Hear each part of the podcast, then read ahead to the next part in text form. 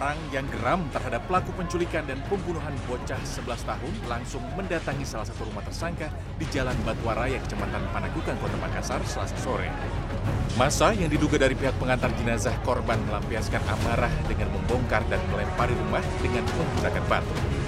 Aparat gabungan Polrestabes Makassar dan Polsek Panagukan sempat kesulitan menghadang masa.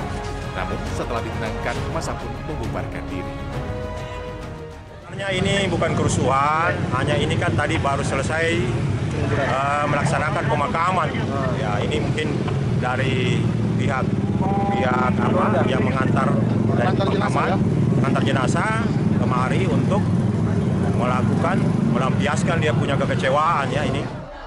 Sebelum insiden perusakan rumah tersangka, sejumlah kerabat dan keluarga korban menghadiri pemakaman mendiang Sadewa, bocah berusia 11 tahun, di tempat pemakaman khusus Paropo, Kota Makassar, selasa sore.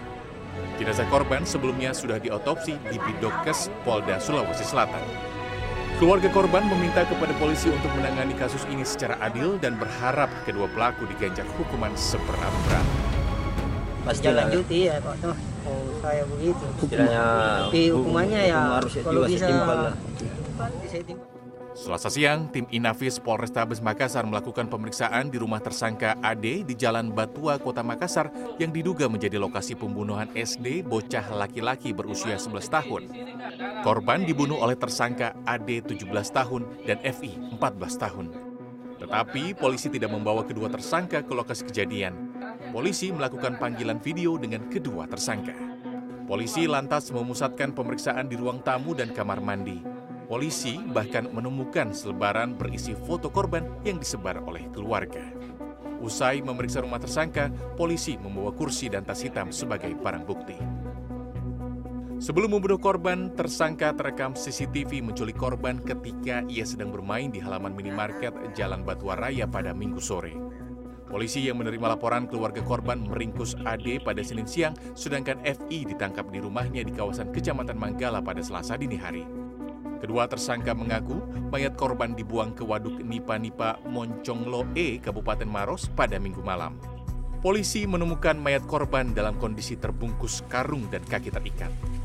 Dalam rilisnya pada Selasa, Kapolres Tabes Makassar menyatakan kedua tersangka mengaku nekat menculik korban setelah melihat iklan di media sosial perihal penjualan organ tubuh manusia.